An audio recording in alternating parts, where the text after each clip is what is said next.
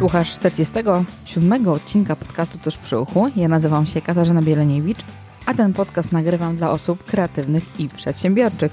Jeżeli interesuje Ciebie rozwój, mocne strony, przedsiębiorczość, kreatywność oraz ciekawi goście, to ten podcast powinien Ci się spodobać.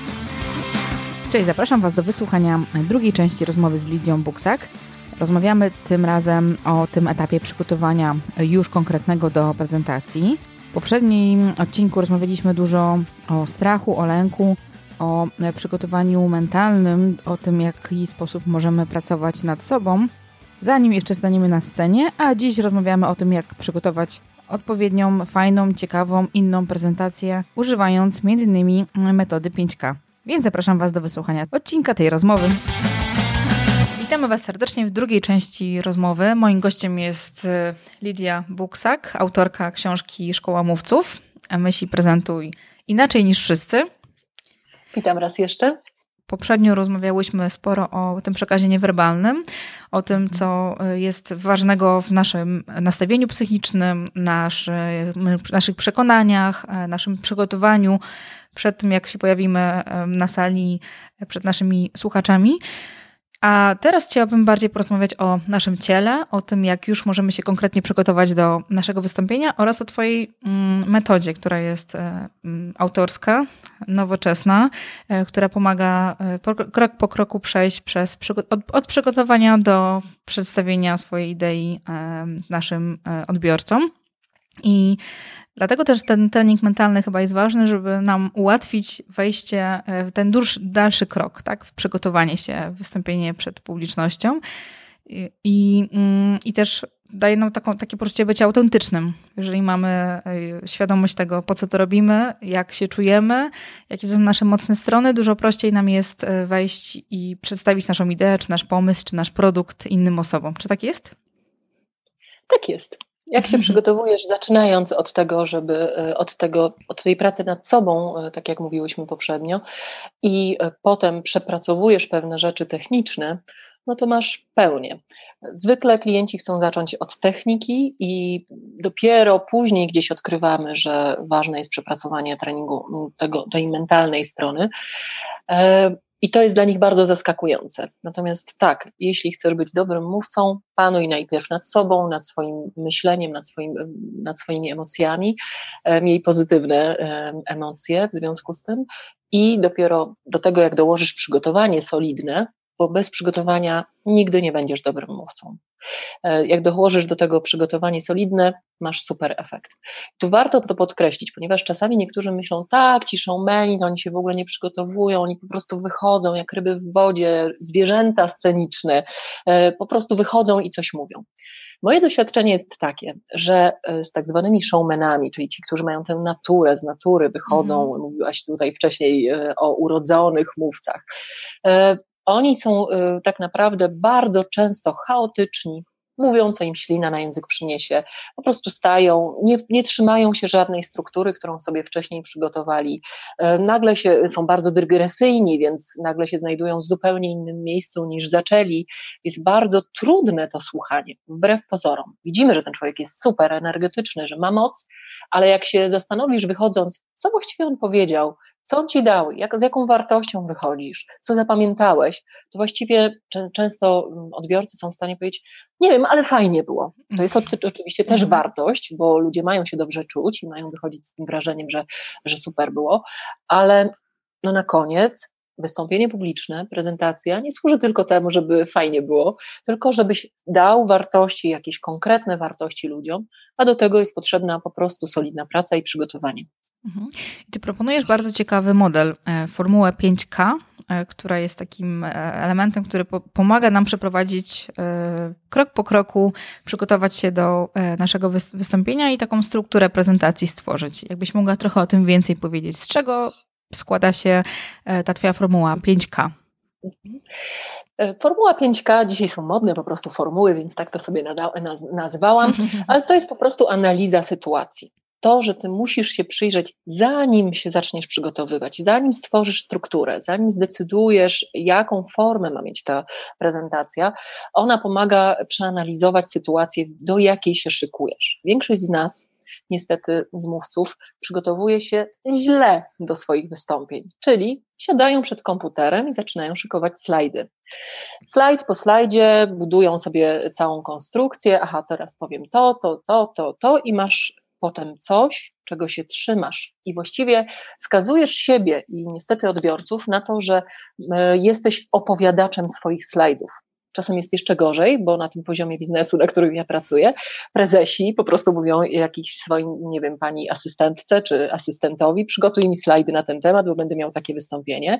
I teraz e, jakaś pani e, Zofia czy pan Kazimierz przygotowują, próbują rozeznać, co też prezes chciałby powiedzieć i zrobić e, slajdy na ten temat, a prezes potem opowiada nawet nie swoje slajdy, co już jest zupełnym absurdem i na pewno nie jest łatwe. I dlatego czasami widzimy mówców, którzy muszą czytać, bo są albo mają za dużo na tych slajdach, albo są wręcz zaskoczeni tym, co tam im wyskoczyło, bo nawet tego dobrze nie przejrzeli. Nie? Więc nie od tego zaczynamy. Slajdy robimy na końcu przygotowania. Ja proponuję tę formułę 5K jako punkt wyjścia. Pierwszym K w tej formule 5K jest kierunek. I to jest absolutnie najważniejsza rzecz, jaką musisz zrobić, żeby dobrze przygotować się do prezentacji. Kierunek, czyli Twoje po co. W poprzedniej części Ty wspominałaś, że to jest dla Ciebie mocno wzmacniające, gdy wiesz, po co idziesz na scenę, czy po co mhm. stajesz przed ludźmi. To po co to jest coś absolutnie najważniejszego. To jest ciekawe, że pracując biznes, z biznesem, często widzę ludzi, którzy mają świetne pomysły biznesowe, ale gdy pytam ich, po co zrobili tę prezentację, którą mi pokazali, no to oni mówią na przykład, nie wiem, żeby opowiedzieć o wynikach, szykuję prezentację, żeby opowiedzieć o wynikach e, za ostatni kwartał, albo o tym, że zdobyliśmy jakąś nagrodę, albo nie wiem, coś tam innego. Ja, ale ja nie pytam ich, o czym będą mówić, tylko po co chcą to, o tym mówić. Czyli okej, okay, ta zawartość merytoryczna, czyli te wyniki, które chcesz omówić, no to to jest twój temat prezentacji, to jest jakiś twój, twoja, twój wkład merytoryczny. Natomiast po co, to nie jest temat, tylko cel prezentacji. I to jest ważne, bo jeśli zaczynasz bez celu, to po prostu nigdy nie wiesz, gdzie zajdziesz. Nie? To jest takie trochę przypadkowe się wtedy robi. Coś powiem, najwyżej zboczę, a jeśli masz cały, cel, e, cały czas cel przed oczami, czyli ten kierunek, to pierwsze K z formuły 5K, to wtedy się nie zgubisz. I nawet mhm. jak się e, pogubisz po drodze, gdzieś tam coś powiesz innego, to wracasz, bo masz swój cel. Mhm. To ważne jest podkreślać. To jest chyba najważniejszy w ogóle e, moment przygotowania prezentacji. Mówię o tej strony technicznej. To jest strategia, Twoja strategia. Jak masz cel, to masz strategię. Cel odpowiada na pytanie po co, jak powiedzieliśmy, a nie na pytanie dlaczego. Jest naprawdę duża różnica między tymi pytaniami w naszym języku, e, bo Simon Sinek mówił: zaczynaj od dlaczego, e, i w angielskim mamy to why i już. My mamy po co i dlaczego, więc mamy już to bogactwo większe. I większość ludzi myśli sobie, dlaczego ja chcę wystąpić, ale dlaczego niestety odnosi się do tego, co było, od, do tego, co się już zadziało. Po co? Odpowiada tak na pytanie o przyszłość, o to, co się ma wydarzyć po tym, jak ty staniesz przed ludźmi i im o tym powiesz. Mhm. Czyli co konkretnie mają zrobić, do czego namawiasz tych swoich odbiorców, czego od nich chcesz. To jest twoje prezentacyjne mhm. po co. Czyli chcę powiedzieć o wynikach firmy, bo i co tam jest dalej? Mhm. Jeśli nie ma tego dalej po tym bo, nie ma tego po co, no to bardzo trudno będzie Ci przygotować sensowną prezentację. Po prostu wyjdziesz, opowiesz o wynikach i właściwie wszyscy wyjdą i nie będą wiedzieli o co chodzi. E, bardzo cieszę, że to powiedziałaś, bo dla mnie też mm, często mm, ten obszar jest bardzo istotny. I strategia, i cel to są takie dwa słowa, które bardzo lubię, bo bez nich czasami nic nie mhm. robię, bo ja też. nie lubię po prostu robić bez sensu czegoś, co e, nie wiem po co to robię. I e, to były takie obszary, które dla mnie były zawsze trudne w pracy na etacie, robienie rzeczy których nie miałam w ogóle poczucia sensu, dokładnie. Mm, I też te nasze, ta świadomość tego, po co coś robię, jest też takim obszarem wpływu lidera, bo myślę, że to jest ten chyba obszar taki, kiedy mm, myśląc o menedżerach, o liderach, e, to jest ten obszar, w którym możemy mieć duży wpływ na osoby, czy nawet ten przykład, który powiedziałaś, czyli nasze wyniki, nasze dane, czy nagrody, które mamy. To może być ten obszar motywacji pracownika, tak? Słuchajcie, zobaczcie, mamy takie i takie wyniki. E, dzięki temu to jest wasza zasługa, to wy zrobiliście, czyli moim po co może być chęć wzmocnienia mojego zespołu. To już można popatrzeć sobie, jaki jest swój obszar wpływu i Okej, okay, czyli ten, y, to, co tutaj. Ludzie mają tak, mhm. nasi odbiorcy, że jeśli widzą, że ty masz swoje po co i wiesz, po co działasz, to łatwiej im jest się utożsamić z tym celem rzeczywiście. Bo jeśli widzą, że ty przychodzisz, coś im gadasz, no to jeśli myślą prosto, jeśli on sam nie wie po co, jeśli sam nie wie, y, nie ma zaangażowania, nie jest, nie jest to jego pasją, nie jest to jego celem, co jest jego celem, nie wiadomo, co jest celem, no to co, dlaczego ja miałbym się angażować, ja odbiorca? Niech sobie angażują się inni. No tak jesteśmy jakoś skonstruowani, że mhm. bliżej nam do tych, którzy są celowi.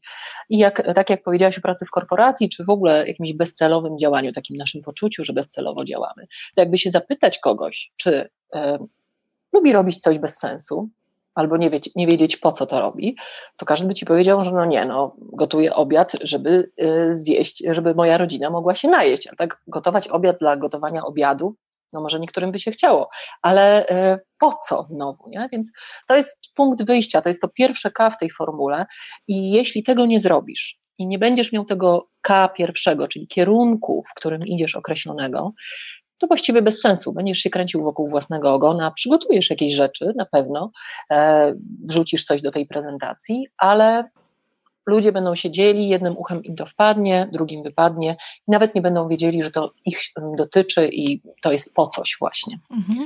I też to, co powiedziałeś wcześniej, czyli ten pierwszy punkt, czyli kierunek, e, może być tym takim elementem, który nam pozwoli mówić bardziej z serca i z serca do serca.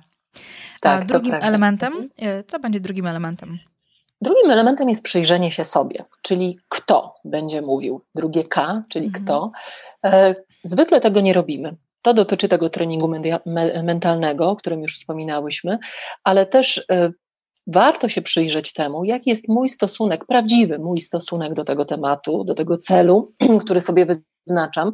Czy to jest rzeczywiście dla mnie ważne, czy się tego boję, bardzo rzadko ludzie to robią. I dlatego później, gdy muszą mówić o rzeczach trudnych albo o takich rzeczach, a to się zdarza, że mówimy o rzeczach, z którymi trudno nam jest się nawet utożsamić, bo łatwo się mówi o rzeczach, w które wierzymy, mhm. ale jeśli musimy na przykład e, ludziom mówić o tym, że będziemy ich zwalniać, a nie chcemy tego, nie utożsamiamy się z tego, no to z tym, e, to rzeczywiście bardzo trudno jest się z tym zmierzyć i to będzie widać, że nie jesteśmy, nie mamy tutaj porządku.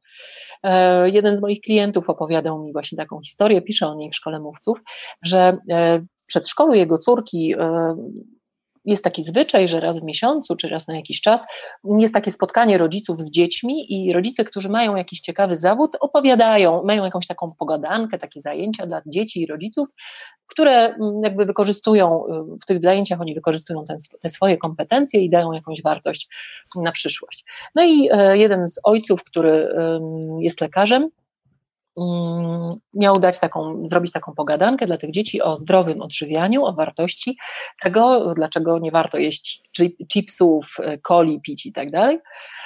To i perorował bardzo długo i bardzo e, naukowo i przepięknie, po czym na koniec wstała jego własna córka i powiedziała, ale tato, przecież ty sam jesz chipsy i pijesz kole, to dlaczego nam mówisz, że tego mamy nie robić? I czar prysł, wszystko poszło w kosmos. Co mógłby zrobić ten tata, lekarz, który by przygotowywał się do prezentacji, patrząc również na siebie, na prawdę jakąś, żeby być później autentycznym, o czym mówiłaś. Mógłby pomyśleć sobie, mm, no to dzisiaj właściwie nie będę przekonywał tylko tych ludzi, ale również siebie do tego i mogę im to powiedzieć zupełnie zwyczajnie na początku, czyli powiedzieć, słuchajcie, dzisiaj e, bardzo ciekawa dla mnie też e, rzecz, bo ja też czasem jem chipsy, czasem piję kole, a e, dziś i dziś będę przekonywał nie tylko Was do tego, ale również siebie i mam nadzieję, że razem jakoś to e, później zrealizujemy.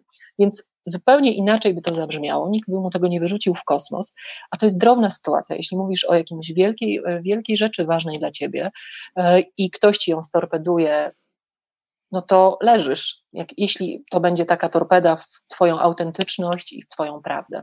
Mhm. Więc drugie K to kto, czyli kto będzie mówił. To jest pytanie o mówcę. Mhm. Kolejnym K jest pytanie o to, komu chcesz dać tę wartość, czyli do kogo będziesz mówił, czyli pytanie o słuchaczy. Ta trzecia, e, ten trzeci punkt, my zwykle to robimy, czyli myślimy sobie, aha, no to będę mówił, będę miał publiczność 100 osób, to będą głównie kobiety albo głównie mężczyźni, będzie, e, nie wiem, to są ludzie o takiej, e, takim, z takiego obszaru, nie wiem, w takim wieku albo mają taki zawód mniej więcej, bo na przykład są z obszaru IT i wydaje nam się, że to wystarczy nie wystarczy.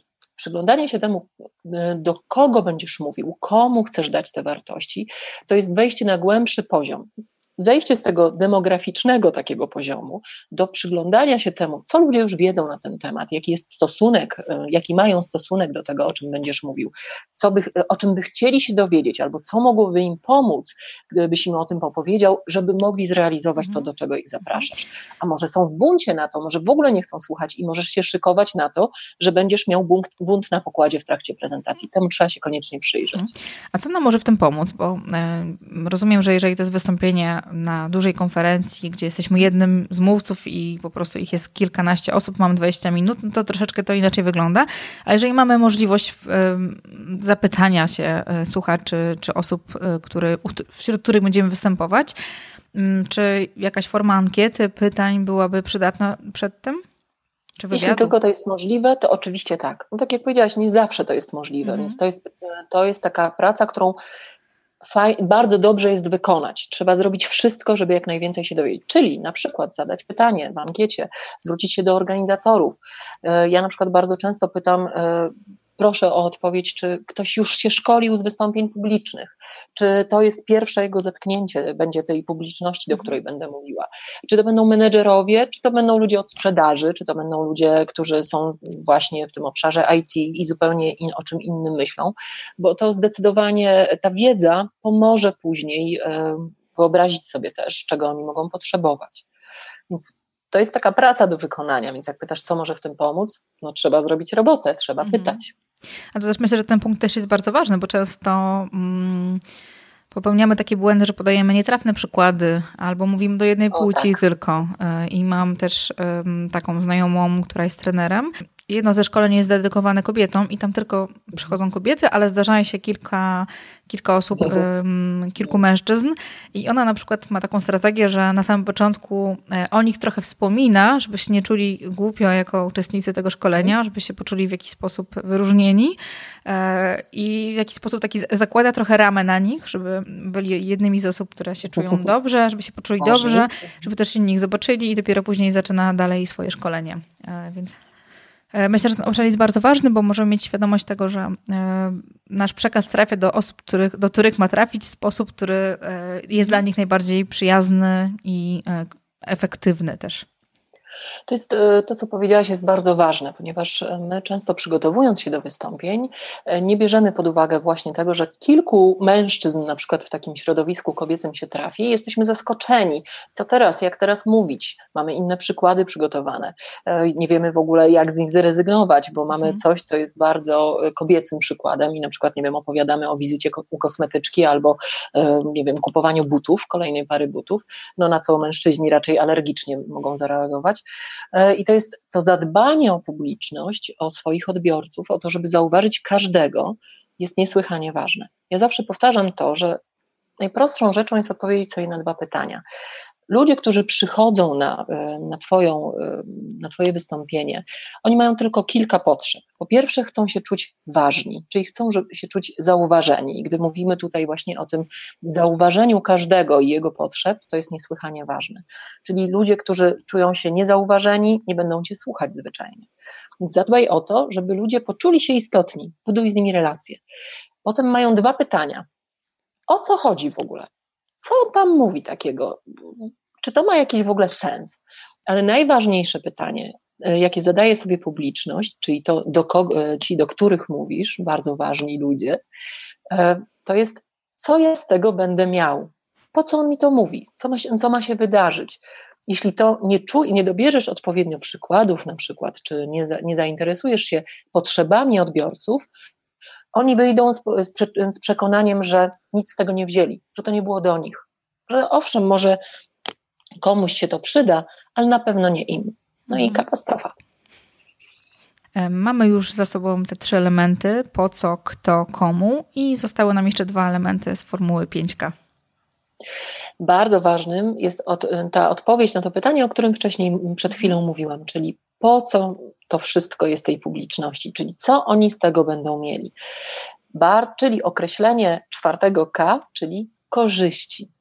Co ja z tego będę miał, ja, twój odbiorca? Każdy sobie zadaje to pytanie, i jeśli mu tego nie powiesz, to on nie będzie tego wiedział.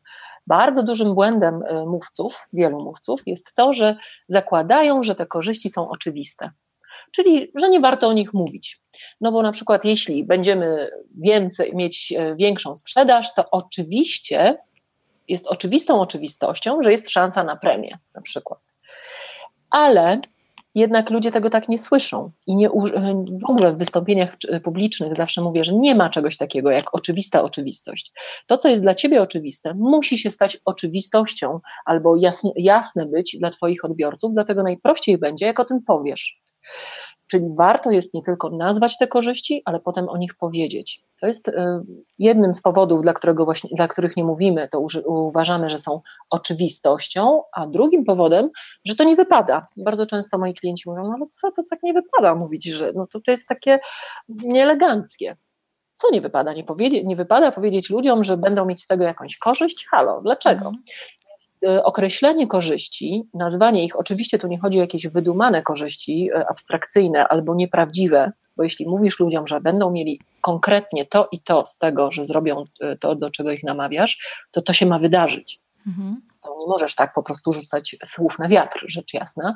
Natomiast jeśli określisz to i powiesz, ludzie chętniej to zrobią, bo czasami szefowie na przykład myślą, że no, ludzie będą chcieli lepiej pracować, no bo tak, no nie ma tak. Ludzie będą chcieli lepiej, lepiej, pracować, jeśli będą mieli z tego korzyści. Powiedz im o tym. Więc nie zakładaj, nie przyjmuj takich założeń, że wszystko jest jasne albo nie warto o tym mówić. Powiedz elegancki, fajny sposób, energetyczny i ludzie za tym pójdą. Powiedziałaś o języku korzyści i ten język korzyści bardzo mocno mi się kojarzy ze sprzedażą i z mhm. umiejętnością sprzedawania i często tym elementem, którego brakuje w sprzedaży jest brak języku korzyści, brak mówienia o tym, mhm. mm, co rzeczywiście ktoś dzięki temu dostanie, tylko raczej część, jest część sprzedawców, którzy sprzedają informacje, suche fakty jak coś działa, e, dane i tak dalej, a e, brakuje tego elementu właśnie korzyści, który nawet jak może być taką wizualizacją w sumie tego, co może się wydarzyć poprzez e, wysłuchanie tego wystąpienia, poprzez kupienie tego produktu, poprzez współpracę z tym człowiekiem i to jest też taki element, który y, y, czy ktoś kupi w tym momencie, czy kupi w przyszłości, mhm. Y, to już jakby jest naszym, mm, jest osobą, którą w jakiś sposób pozyskaliśmy, którą zachęciliśmy, którą zainspirowaliśmy, która już jakby jest po naszej stronie trochę. Już te mhm. serce zostało przeciągnięte w naszą stronę. E, to prawda, no korzyści po prostu, no zawsze chcemy wiedzieć, jaka będzie nagroda za to. Mhm. Wiemy dzisiaj, nawet jak wychowujemy dzieci, już całe szczęście trochę inaczej niż kiedyś, że nie tylko karamy, ale też nagradzamy, albo głównie nagradzamy, to y, no, każdy chce wiedzieć, że mm, coś fajnego go później spotka i wtedy nam się to lepiej robi. To żadne odkrycie nie jest. To, że my tkwimy trochę jeszcze e, w starym systemie e, myślenia związanego też z wychowaniem i z tym, jak kiedyś byliśmy szkoleni, no to tak jest, na to nic nie poradzimy, ale to, co możemy zrobić sami, to mówić o korzyściach. Ja na przykład e, w szkole mówców e, pisząc szkołę mówców, znalazłam jedną taką bardzo e, korzyść, którą uważam, że może być niesamowitą korzyścią. I faktycznie tak jest, że wielu czytelników wraca do mnie z tym, że to zrobiło na nich, jakby pozwoliło im ruszyć, wziąć tę książkę do ręki. Ponieważ ja mówię, że jak przeczytasz tę książkę, jak zrobisz tę zmianę, do której Cię zapraszam, to twoim, Twoje wystąpienia będą inne niż wszystkie. Będziesz prezentował inaczej niż wszyscy, bo wszyscy robią to jakoś, a jednak zapamiętujemy tych, którzy są inni, ale nie inni dla innego, bo tak najlepiej by było wyjść nago i wszyscy będą Cię pamiętać, ale że będziesz robił to inaczej, skuteczniej, fajniej, mm, bardziej przyjaźnie, relacyjnie i, a przede wszystkim będziesz miał to, to po co swoje i to sprawi, że będziesz robił to inaczej. I ta korzyść, która wydaje się taką no, niby niekorzyścią, powiem mhm. szczerze, że po przeczytaniu książki ludzie przychodzą do mnie i mówią, chcę to robić inaczej, naucz mnie tego.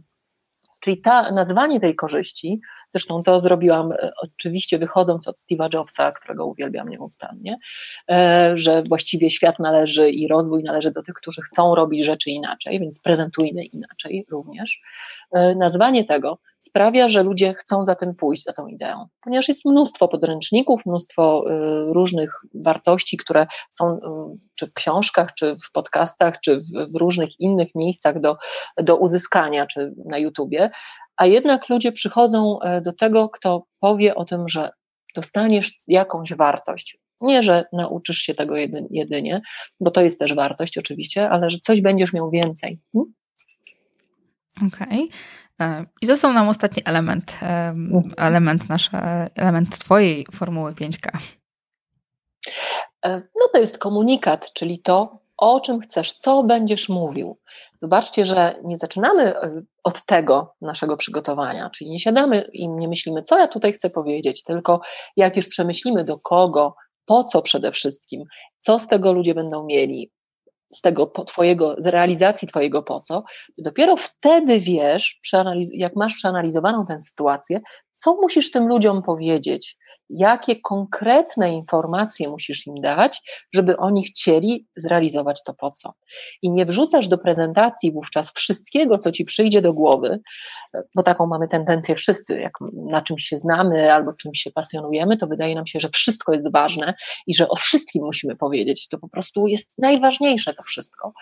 Ale jeśli wiesz po co to robisz, do kogo, w jakiej konkretnej sytuacji, bo czasami twoje po co może być bardzo podobne, ale zmieni się odbiorca i już zmienia się cała mhm. treść, powinna się zmienić, albo przynajmniej część tej treści, więc wtedy możesz dopiero przygotować komunikat.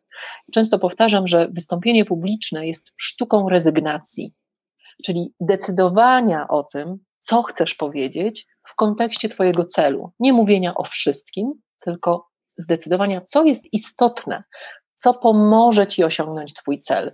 I gdy zaczynasz robić taką selekcję, ja w książce mówię o tym, jak zrobić to, jak to przejść, jak, się, jak to przygotować fajnie. I gdy zaczynasz to robić, nagle widzisz, że pewne rzeczy, o których chciałeś kiedyś powiedzieć, tutaj się nie nadają, że może w innym wystąpieniu ci się przydadzą jakieś przykłady czy nie wiem, fakty, liczby, o których chciałeś powiedzieć, ale tutaj nie mają żadnego sensu, bo nie pozwolą ci, nie pomogą ci uzyskać celu, osiągnąć celu. I wtedy dokonujesz selekcji. No i mhm. kolejnym, jak już mamy całą ten komunikat zbudowany, no to wtedy mamy całą wiedzę, jesteśmy przygotowani do tego, żeby po prostu przygotować strukturę swojej prezentacji. Mamy już opracowaną strategię, to jest formuła 5K, a potem mamy możliwość przygotowania fajnej, ciekawej, dynamicznej, skutecznej, nowoczesnej, innej struktury prezentacji. I to jest e, coś, co później ludzie zobaczą i będą widzieli, że właśnie robisz to też inaczej. Mhm. Mm, bardzo mi się podoba to podejście robienia czegoś inaczej, robienie czegoś inaczej po swojemu też, tak po prostu, robienie mhm. czegoś po swojemu, w swoim stylu, wykorzystując jakby obszar swoich mocnych stron.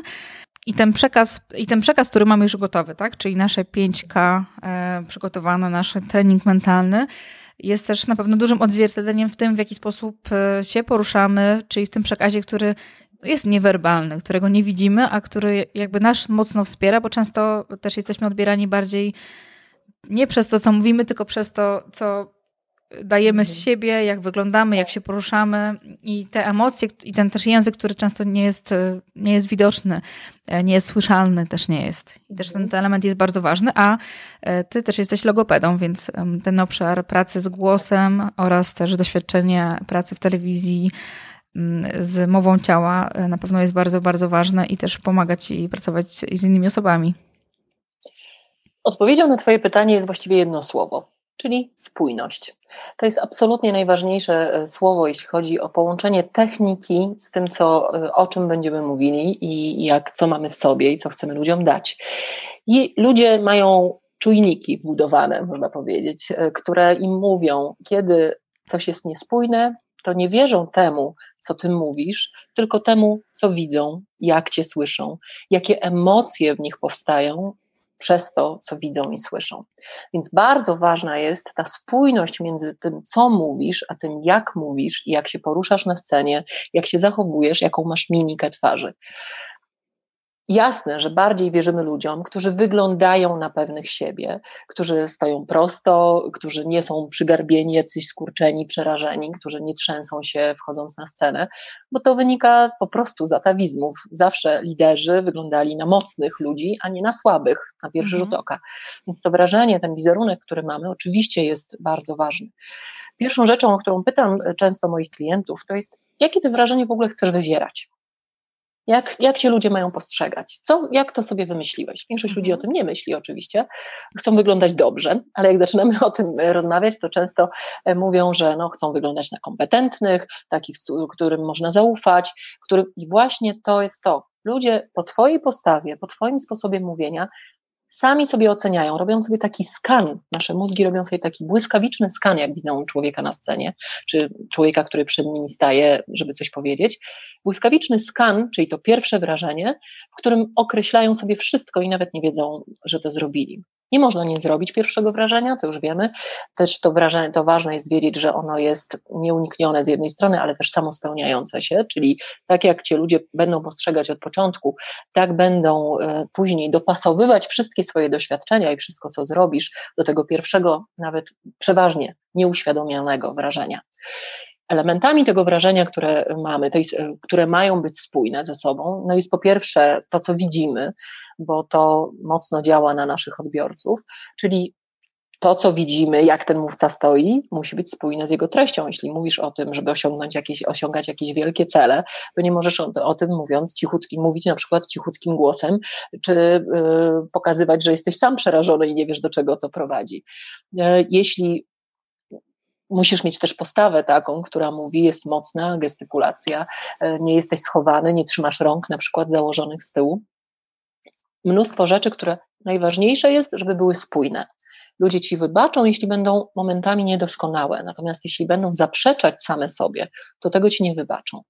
Więc tak trzeba pracować nad mową ciała, ale nie w taki sposób, jak niestety większość osób próbuje pracować albo próbuje uczyć. Znaczy, to jest oczywiście moja opinia, można się z nią nie zgodzić, mm. ale ja uważam, że najważniejsze jest przepracować dobrze treści, mieć swoje po co, swoje silne, swoją silną motywację do wyjścia i myśleć o sobie dobrze, a naprawdę tak jest, że ciało zaczyna robić swoją robotę. Że ty nie musisz myśleć, aha, w tym momencie, jak będę mówił to i to, to muszę zrobić ten gest. Byłam na takim szkoleniu sama kiedyś, ponieważ chodzę na różne szkolenia, również się uczę, gdzie y, pani, która prowadziła, mówiła na przykład, żeby gdy się witasz, żeby powiedzieć dzień dobry. Nie? Ja sobie myślę, jakby mm. ktoś tak powiedział dzień dobry, to ja bym od razu wstała i wyszła, mhm. uciekłabym, bo bym się przestraszyła, że to jest jakaś sztuczność od początku. Więc nie chodzi o sztuczne, wyuczone, jakieś podręcznikowe gesty, już nie daj Bóg, jeszcze właśnie takie wiecowe. E, o tak, to moje ulubione i to zawsze tępie jak szkodnika, przyznaję. E, I rzeczywiście ludzie się temu dziwią, jak to przecież to jest ten gest, co skupia uwagę. Nie, to jest czysta popelina, stary świat prezentacji. Tego dzisiaj tak nie robimy. Mhm. Zupełnie inaczej możemy przykuwać ciałem uwagę, a ciało jest tak nasze skonstruowane, zresztą podobnie jak głos, że idzie za naszą intencją, jeśli ty jesteś zaangażowany, wiesz po co mówisz, zależy ci, to samo ciało, ciało samo cię wspiera, samo wzmacnia. Czasami oczywiście robisz jakieś błędy, bo gdzieś coś wymyśliłeś po drodze, na przykład, nie wiem, że trzeba się tak trzymać albo jakoś, albo nie wiem, wymyślisz sobie jakiś gest i się go trzymasz i to wymaga korekty, oczywiście, że tak. Natomiast najważniejsze jest pozwolić swojemu ciału, swoim rękom robić dobrą robotę. I moi klienci, jak przychodzą do mnie, zawsze to jest pierwsze pytanie: co mam zrobić z rękami? Powiedz mi, co mam zrobić z rękami, to już wtedy wszystko będzie dobrze. Mhm. Nieprawda, nie będzie dobrze. Zostawmy też, to na razie. A też wszystko widać. Czasami, jak się bawimy ręka, dłońmi naszymi, tak, je tam, nasze nerwy też widać. I mhm. dlatego może to jest takie pierwsze pytanie, że nie wiemy, co z tym zrobić, czujemy się skrępowani. Nie wiemy, co to... zrobić z rękami, mhm. więc ono jest naturalne, to pytanie. Tylko, że m, trzeba rozumieć znowu, że technika musi iść równolegle z intencją, z intencją, z tym, co masz w środku. Sama technika dla techniki, że nauczysz się tych gestów, no to musisz, one muszą być do czegoś dopasowane, one muszą z czymś działać, z jakimś twoją, z jakąś twoją treścią. Więc jeśli będą nic tego, nic owego, będziesz robił w kółko ten sam gest, a większość z nas ma tak, że, znaczy mm, są mówcy, którzy po prostu jak się przeczytają w poradniku, że mają robić gest otwarty, to wiecznie tak po prostu machają tymi rękami. I co z tego, że masz niby gest otwarty, jak on jest nie do? Podniesienia dla odbiorców. Więc najpierw przepracuj siebie, najpierw przepracuj swoją, e, swoją, swoje myślenie, swoje po co, swoją prezentację, a potem zobaczysz, że jeśli będziesz zaangażowany, będziesz mówił z pasją, to twoje ciało pójdzie za tym. I podobnie jest z głosem, bo głos to jest takie, a to mnie nieustannie zachwyca, mhm. tyle lat e, pracuję z głosem i to jest dla mnie ciągle źródłem wielkiego, wielkiej frajdy po prostu, że głos idzie za intencją. I jak ktoś przychodzi do mnie zwykle na początku, to mówi do środka, tak jakby do środka mówi w taki sposób, że ten głos się zapada, gdybym mi tak to miała pokazać, tak, że on nie idzie do przodu, tylko jest aż taki przydech czasami. A gdy zaczynasz pracować i roz, zaczynasz rozumieć, że masz mówić do ludzi. Zresztą tutaj muszę mhm, przywołać mhm. po prostu moje ukochane, e, ukochaną, e, nieuczesaną myśl Leca, czyli nie wystarczy mówić do rzeczy, trzeba mówić do ludzi. Jak będziesz miał tę intencję, żeby mówić do ludzi, to uwierz mi, twój głos, oczywiście technicznie musisz go wesprzeć, ale twój głos pójdzie za tą intencją, twoje ciało pójdzie za tą intencją i będziesz to robił naturalnie, autentycznie, co dzisiaj jest największej, największej cenie bo wyuczonych, sztucznych, sztucznie machających, e, zachowujących się ludzi na scenie mamy mnóstwo, ale to nie o to chodzi. Więc ćwiczenia wymowy, głosu, mowy ciała tak, ale najpierw wiedz po co ci to wszystko i jak, jaki ty jesteś i jak to, do czego ci to. Mhm. Mm, I to, co powiedziałaś też wcześniej, czyli mm, to, co powiedziałaś wcześniej, czyli nagrywanie siebie, tak? To jest twoja, jeden z elementów pracy tak. Mm, z klientami, bo często nie wiemy, nie widzimy siebie, możemy się słyszeć tylko, ale nie widzimy mhm. siebie, nie słyszymy, nie widzimy tego, w jaki sposób się poruszamy, co robimy, jakie mam, jaką mamy mimikę. I to też jest dużo takich e, informacji dostajemy automatycznie sami dla siebie pod kątem tego, jak wyglądamy, co robimy, w jaki sposób się poruszamy. I myślę, że um, osoby, które prowadzą swój podcast, tak, też mają świetną możliwość taką. Ja montowałam swoje odcinki do 40 e, chyba odcinka samodzielnie, wszystkie, więc mhm. praca nad swoim głosem, słuchanie siebie tyle razy tak. było najlepszą, najlepszą karą też, tak. ale też najlepszą lekcją. I tak, lekcją, też szansą na szansą po prostu na rozwój taki duży i wiem, że popełniam pewno dużo błędów jeszcze na 100%, ale też widzę, jaki duży był we mnie rozwój i jaką też większą świadomość po prostu mam tego, w jaki sposób się Prawda. komunikuję, jakie są obszary do rozwoju, y, z czym sobie dobrze radzę, z czym sobie też y, gorzej radzę, ale też te informacje zwrotne od ludzi, którzy, od których dostaję też maile czy też wiadomości, w jaki sposób potwierdzają to, co ja też sama pozytywnego sobie widzę, więc to też jest y, no, najlepsze, chyba najlepsze ćwiczenie. Praktyka, praktyka, praktyka, praktyka. Mhm. Czasami ludzie mówią, e, wyjdę na scenę, jak już będę to umiał. I to jest najgorsze, co możesz sobie zrobić, dlatego że to oznacza, że prawdopodobnie nigdy nie wejdziesz na scenę i nigdy nie uznasz, że już wszystko umiesz. Więc to, co trzeba zrobić, to tak jak ty mówisz, po prostu zacząć to robić, potem siebie oglądać, analizować i poprawiać. I następnym razem starać się robić to lepiej.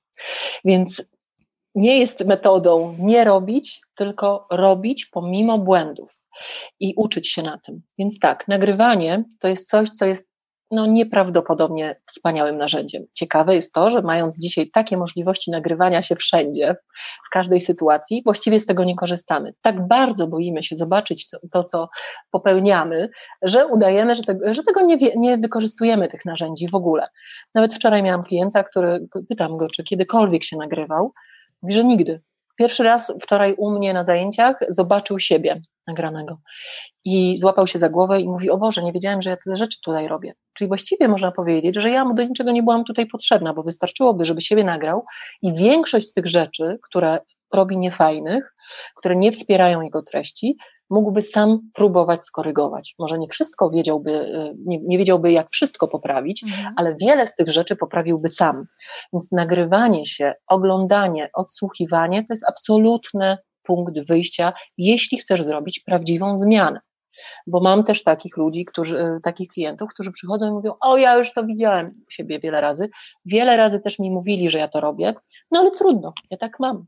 No to ja wtedy często mówię, wiesz co, no to właściwie chyba skończymy to szkolenie w tym momencie, bo jestem pewna, że po moim szkoleniu wyjdziesz i powiesz, hmm, powiedziała mi, że to robię, ale ja już to wiedziałem, więc cóż, nic nowego tutaj nie dostałem, słabe szkolenie. Mhm. Szkolenie i praca nad sobą polega na ćwiczeniu, nie na tym, że ktoś da ci tylko informację zwrotną. Informacja zwrotna jest punktem wyjścia, bardzo potrzebnym. Informacja zwrotna same, którą dajesz sam sobie, pierwsza, drugą, którą dostajesz od trenera, od specjalisty, jeśli masz taką możliwość, ale potem to nie wystarczy, bo to będzie ci jeszcze gorzej z tym, jak będziesz wiedział, ile rzeczy źle robisz, jeśli tego nie zaczniesz poprawiać. Więc następny krok, zabieraj się do roboty po prostu. Zacznij ćwiczyć, poświęć na to czas. Jak się uczysz angielskiego, czy jakiegoś, nie wiem, nowego języka, to rozumiesz, tu nie jest dla ciebie żadną nowością, że musisz codziennie uczyć się słówek, robić gramatykę, słuchać, e, słuchać siebie, mówić, bo inaczej się nie nauczysz. Natomiast jak chcesz się nauczyć wystąpień publicznych, to często myślisz sobie, że wystarczy, że będziesz wiedział. Nie, nie, to nie wystarczy. Musisz pracować. Mhm. I, I to też to, co powiedziałaś, to jest chyba dla mnie, dla mnie taki jeden z elementów inteligentnych ludzi, mądrych ludzi, mądrych liderów, menedżerów, y, wszystkich ludzi, jakich znam, to jest ta postawa ucznia. Jakaś pewna tak. doza pokory, pokory, do tego, że mhm. mo zawsze mogę się czegoś nowego nauczyć, nawet to ze szkolenia, które być może jest powtórzeniem tego, co już wiedziałam, ale ta mhm. postawa pokory Potem i też się na szkoleniach nauczyć, mhm. czego nie robić na przykład. Dokładnie. Nie, nie pracować albo to też jest cenne bardzo. Mhm. I też tak, ta... to każdy się powinien mhm. nauczyć. I też ta postawa ucznia też nam daje takie, e, też takie poczucie tego, że mam prawo nie wiedzieć niektórych rzeczy, mam prawo popełniać o. błędy i też... Um, to też dużo... pomaga ze stresem Dokładnie. sobie poradzić zdecydowanie. Mhm. Bardzo to pomaga, bo jeśli e, my, to, co często ludzie mają na początku, to, że boją się na przykład, że ktoś im zada, ktoś z publiczności zada im pytanie, na które nie będą potrafili odpowiedzieć. To bardzo często o to mnie ludzie pytają, ale co? Co będzie, jak ktoś mi zada pytanie, to to się okaże niekompetentny, że nie wiem i w ogóle. Ja mówię, ale czy ty jesteś jakimś omnibusem albo, nie wiem, e, encyklopedią chodzącą, że musisz znać odpowiedzi na każde pytanie? Nie. Jak nabierzesz trochę dystansu do siebie, bo ja też to przerabiałam, gdy zaczynałam swoją mhm. trenerską pracę, że bałam się, że ktoś mnie zapyta i wyjdzie, wyjdzie właśnie na to, że czegoś nie umiem. E, a dzisiaj, gdy ktoś mi zada pytanie, na które przeważnie znam odpowiedzi na wiele pytań, ale jeśli ktoś mi zada pytanie, na które nie mam odpowiedzi, to mówię, słuchaj, wiesz co, ha, Cieszę się, dzięki Ci za to pytanie, bo sprawdzę, poszukam i na pewno dam Ci odpowiedź, ale oczywiście wtedy trzeba tę odpowiedź znaleźć i dać ją później. Natomiast bać się błędu, czy bać się tego, że czegoś nie umiemy, nie wiemy, albo nie, y, jeszcze żeśmy się nie dowiedzieli, to nie ma, nie, jesteśmy ludźmi, mamy do tego prawo. Co nie oznacza, że mamy prawo nieustannie popełniać te same błędy y, i mieć to w nosie. Właśnie mówić, ja taki jestem i już taki, takim mnie kochajcie. No nie, to, to już nie jest okej. Okay. To jest bardzo wygodne, ale nie, nie tak. rozwijające w żaden sposób. Mhm. mhm. Tak jak teraz rozmawiamy już e, od pewnego czasu, e, żywe odcinki są za nami. Mhm. Ja się czuję dużo lepiej i mam wrażenie, że trochę oswoiliśmy ten temat wystąpień publicznych. Mm, I on jest taki nadzieję, bardziej przyjazny. Nie gryzie. On nie gryzie. To prawda, tak. Dokładnie. I też ten temat stresu, to, e, który. Chciałabym to powiedzieć mhm. może jeszcze, że większość moich klientów na koniec mówi, że to, co się e, stało najważniejszego, to, to nie, nie to, że oni się nauczyli technik, bo oczywiście się uczą, mm.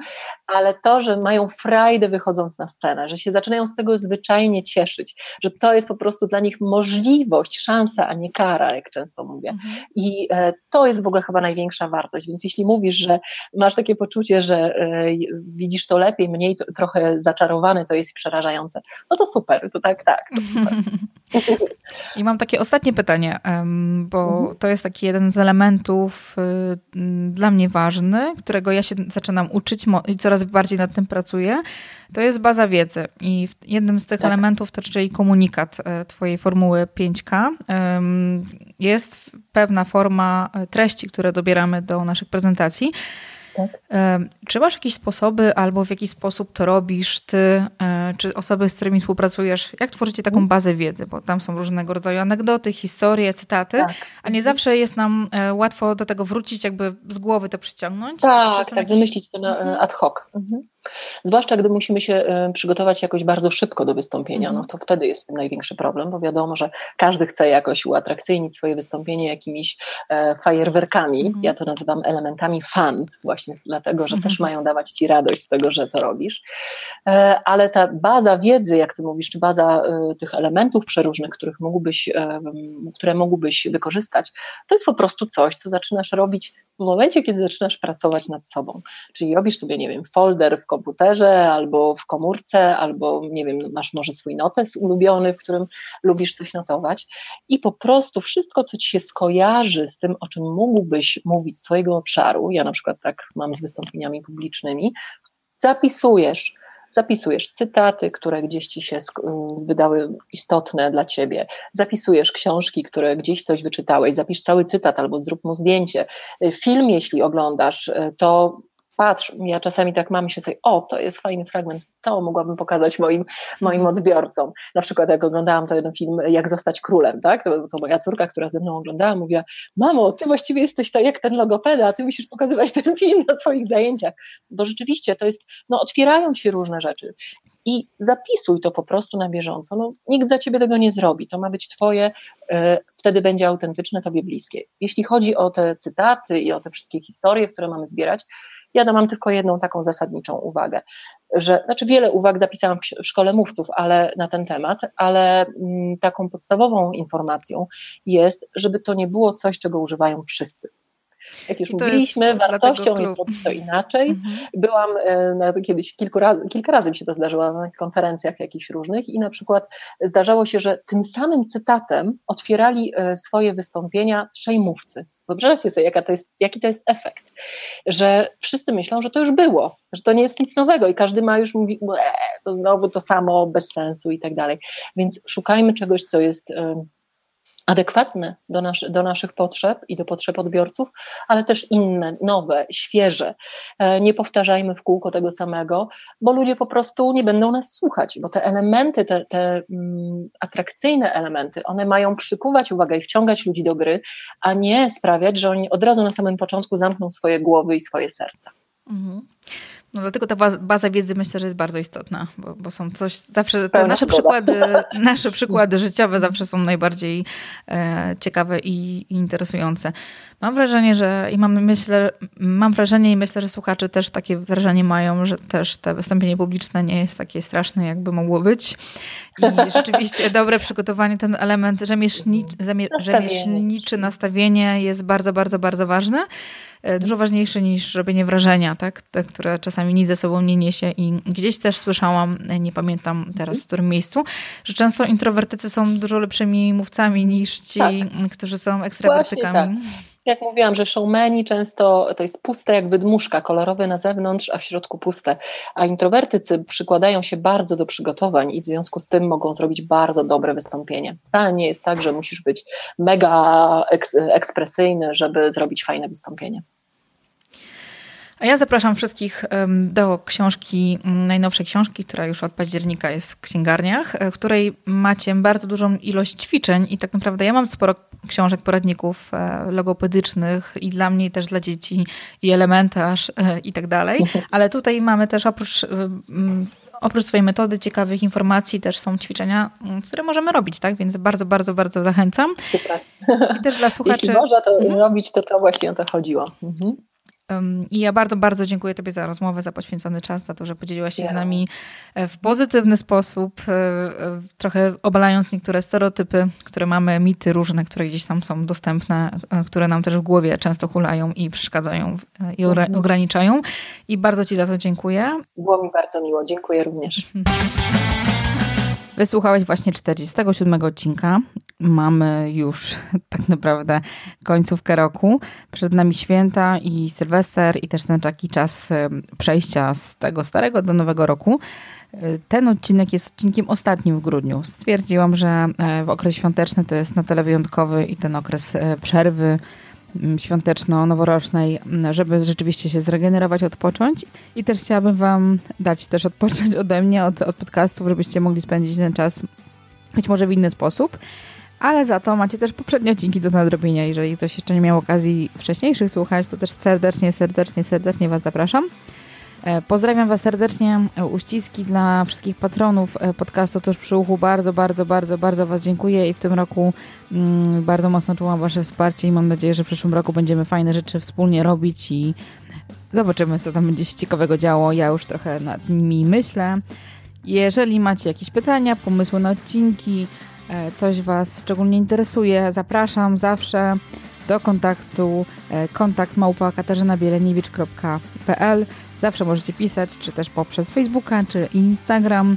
Jestem zawsze otwarta i chętna na Wasze sugestie, pomysły, pytania i mm, wszystkie maile czytam i na każdego maila odpisuję i zawsze jest mi miło, jak ktoś napisze kilka słów od siebie. To co, słuchajcie, świetnego czasu, odpoczynku i słyszymy się już 1 stycznia. Cześć!